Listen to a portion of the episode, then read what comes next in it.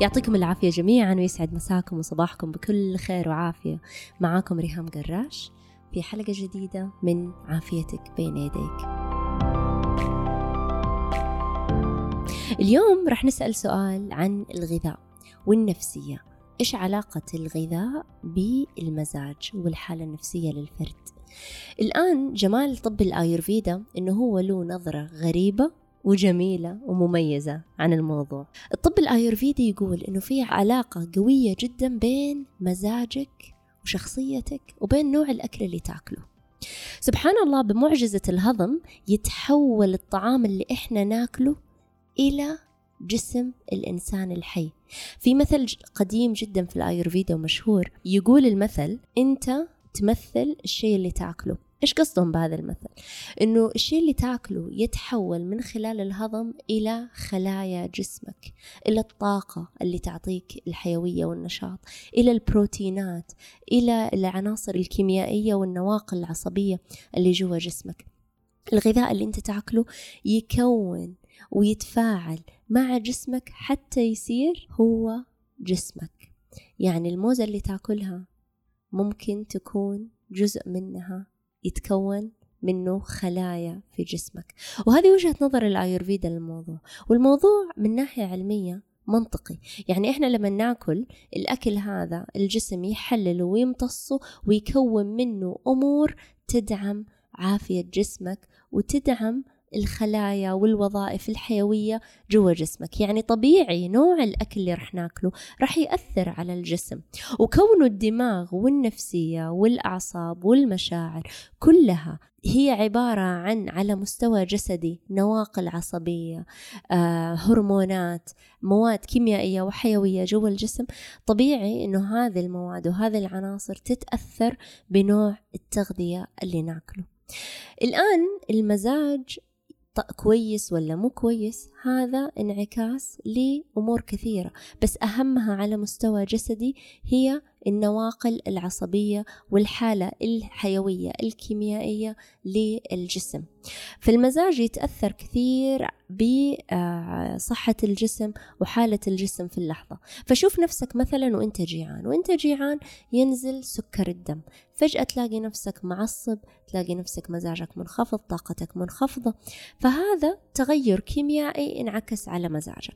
فإحنا نقول هنا الأكل يأثر على كيمياء الجسم كيمياء الجسم تأثر على المزاج باختصار. الطعام يكون خلايا جسمك. لما تستوعب هذه الحقيقة تفهم كيف ممكن يقدر نوع الطعام على تغيير شخصيتك وردود أفعالك وعافية جسمك. في الطب الآيورفيدي نفهم أنه الطعام يتحول إلى دم الدم يغذي الجسم والعقل الدماغ حساس جدا لأي تغييرات كيميائية في الدم. لما يوصل هذا الدم ويغذي العقل. التغيرات اللي يسويها الغذاء على مستوى هرموني وكيميائي في الدم يأثر جدا على الجسم وخصوصا على الدماغ. لما توصل هذه التغيرات على دماغك ويحس فيها الدماغ يعني فيك تغيرات كثيرة تحصل في شخصيتك. طبعا هذا الكلام من خلال حكمة وطب الآيورفيدا يفهمون من خلاله إيش تأثير عناصر الغذاء على الشخصية؟ فمثلا الإنسان اللي يأكل لحوم كثيرة شطات آه، أشياء حارة طماطم كثير هذا الإنسان يكون بطبعه عنده الاندفاعية الغضب الغيرة. الإنسان يتأثر بخصائص الغذاء اللي ياكله مو بس الغذاء صحي أو غير صحي ممكن كثير من الأغذية الصحية إذا كثرنا منها تبدأ تأثر على شخصيتنا ومزاجنا بصورة سلبية من وجهة نظر الحكمة والطب الآيورفيدي. الآن كل نبات وحيوان تاكله هو مصنع افتراضي لمواد كيميائية متغيرة وتأثر على المزاج. يقول الأثر الآيورفيدي أنت ما تأكل هو معناه أنه أنت تمتص مو بس العناصر الغذائية من الطعام لكن تمتص الشخصية الكيميائية. للطعام. طبعا هذا الكلام ممكن يكون جدا غريب لكن راقبوا نفسكم وراقبوا الناس حوالينكم. هذه الأمور راح تبدأون تلاحظون تأثيرها مع المراقبة. بعض الأطعمة تسخن جسمك والبعض الآخر يهدي جسمك ويبرده. تحتوي بعض الأطعمة على مواد كيميائية أقوى وشخصية أكثر دراما دراماتيكية مثل القهوة. يعني القهوة لما تاخذها على طول تلاحظ تأثيرها على شخصيتك فجأة تلاقي نفسك بعض الناس يلاقون نفسهم عندهم توتر شديد بعد شرب القهوة ورعشة بعض الناس يلاقون عندهم صفاء في الذهن ونشاط وحيوية بعض الأطعمة الأخرى ما زي القهوة تأثيرها ما يبان على طول لكن تراكمها في الجسم واستخدامها بكثرة يأثر على الجسم. مثلا خلونا ناخذ الطماطم. ياخذ وقت كثير حتى يتراكم أثره لكن لما أنت الطماطم يكون جزء كبير من تغذيتك فجأة ممكن تلاحظ نفسك عندك حمار في البشرة حساسيات. ممكن تلاقي نفسك عندك حرارة في جسمك. تلاقي نفسك ممكن تتنرفز بسرعة تعصب بسرعة. لأن الطماطم زيه زي الخل زي الباذنجان زي اللحوم الحمراء أطعمة ساخنة من وجهة نظر الطب الآيورفيدي مع تغير كيمياء الدم زي ما ذكرت لكم في البداية مو بس تتغير الكيمياء تتغير تتغير المشاعر تتغير العواطف. يؤمن الطب الآيورفيدي أنه الشخصية والعواطف موجودة في الدم وأنه لو تلاحظ نفسك كيف تتصرف بعد ما تشرب القهوة كل يوم راح تلاحظ إنه في تغيرات ممكن تحصل في جسمك وشخصيتك مزمنة لإنه الشيء اللي تاكله دائما يأثر على شخصيتك. من السهل جدا اكتشاف التأثيرات اللي الطعام يسويها على شخصيتك. من خلال مراقبة شخصيتك كم ساعة بعد أكل الطعام. لما تلاحظ مشاعرك لما تلاحظ إيش أنت حاس وتربطه بالشيء اللي أنت أكلته راح تلاحظ أنه في علاقة كبيرة بين طعامك بين أفكارك بين شخصيتك بين ردود أفعالك وبين مزاجك. على كذا لما تبدأ تلاحظ ممكن تأخذ خيارات أفضل للتغذية والطريقة اللي تبغى تعيش فيها المرة الجاية. في الطب الآيورفيدي في شرح لقوائم الطعام وفي شرح لخصائص الغذاء وهذه كلها ممكن تحصلونها في الدورات اللي أقدمها عن الطب الآيورفيدي وكثير منها مسجلة وموجودة في موقعي الإلكتروني www. embracinghealth.online واللي برضو موجود رابطه في الكابشن تحت هذه الحلقة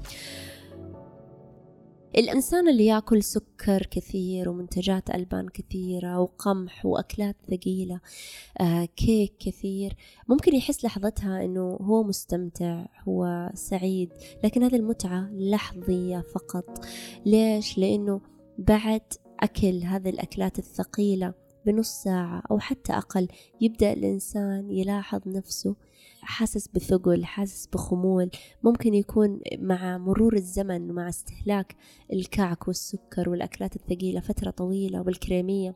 يشعر الإنسان أنه بدأ يصيبه لا سمح الله اكتئاب وخمول آه، شديد وعدم القدرة على آه، تأدية المهام اليومية.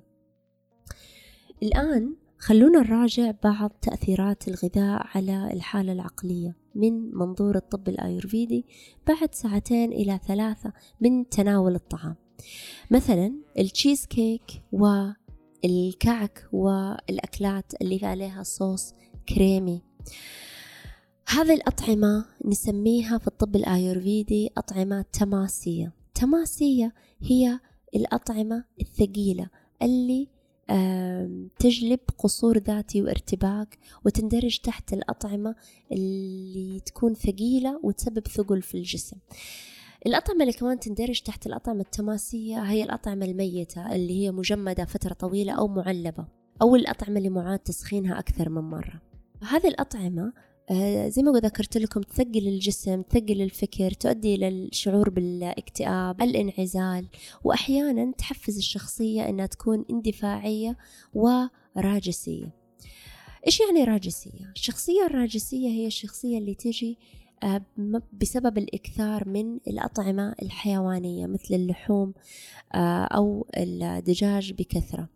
الأطعمة هي أيضا تندرج تحت الأطعمة الراجسية هي الأطعمة اللاذعة أو السبايسي أو شديدة الملوحة مثل الوجبات السريعة والأجبان والطماطم والخل والشطة والقهوة بكثرة.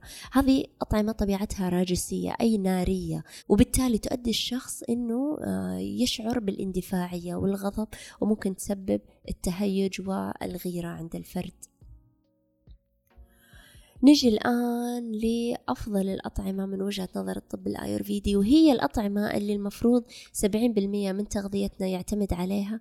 أما باقي النسبة ممكن تكون ما بين الراجسية والتامسية الأطعمة الساتفية هي الأطعمة اللي تكون حية خفيفة صحية آه لا هي حالية مرة ولا مالحة جدا ولا هي حارة أو بمعنى سبايسي جدا. آه الطعم الساتفي هو الطعم اللي ينقي الجسم يهدئ العقل ويساعد على السكون والهدوء. خفيف الفعالية غني بالبرانا أو قوة الحياة تنشط الجسم والعقل. الأطعمة اللي تندرج تحت الأطعمة السادفية هي الخضروات البقوليات خصوصا البقوليات الطازجة اللي يتم طهيها في المنزل. والأطعمة الفريش اللي تأكلها بعد ما تطبخها على طول أو تنتظر ما بين ثلاثة إلى أربع ساعات من التحضير. يعني ما تكون مفرزلة أو مخزنة فترات طويلة. الأطعمة السادفية تحسن صحة العقل تحسن طاقة الجسم تزيد حالة الوعي آه، وتساعد الإنسان أنه ينسجم ويتوازن مع آه، جسمه وعقله وروحه. يساعد اتباع نظام الغذاء السادفي اللي هو يعتمد على أنه 70% من غذائك يكون من الخضروات خصوصا الخضروات المطهية والبقوليات الطازجة. يساعد هذا النوع من الغذاء على إنتاج أنسجة جسم عالية الجودة طاقة جسم مرتفعة ونسميها في الطب الآيورفيدي برانا عالية أي طاقة الحياة مرتفعة عند الشخص ومناعته قوية.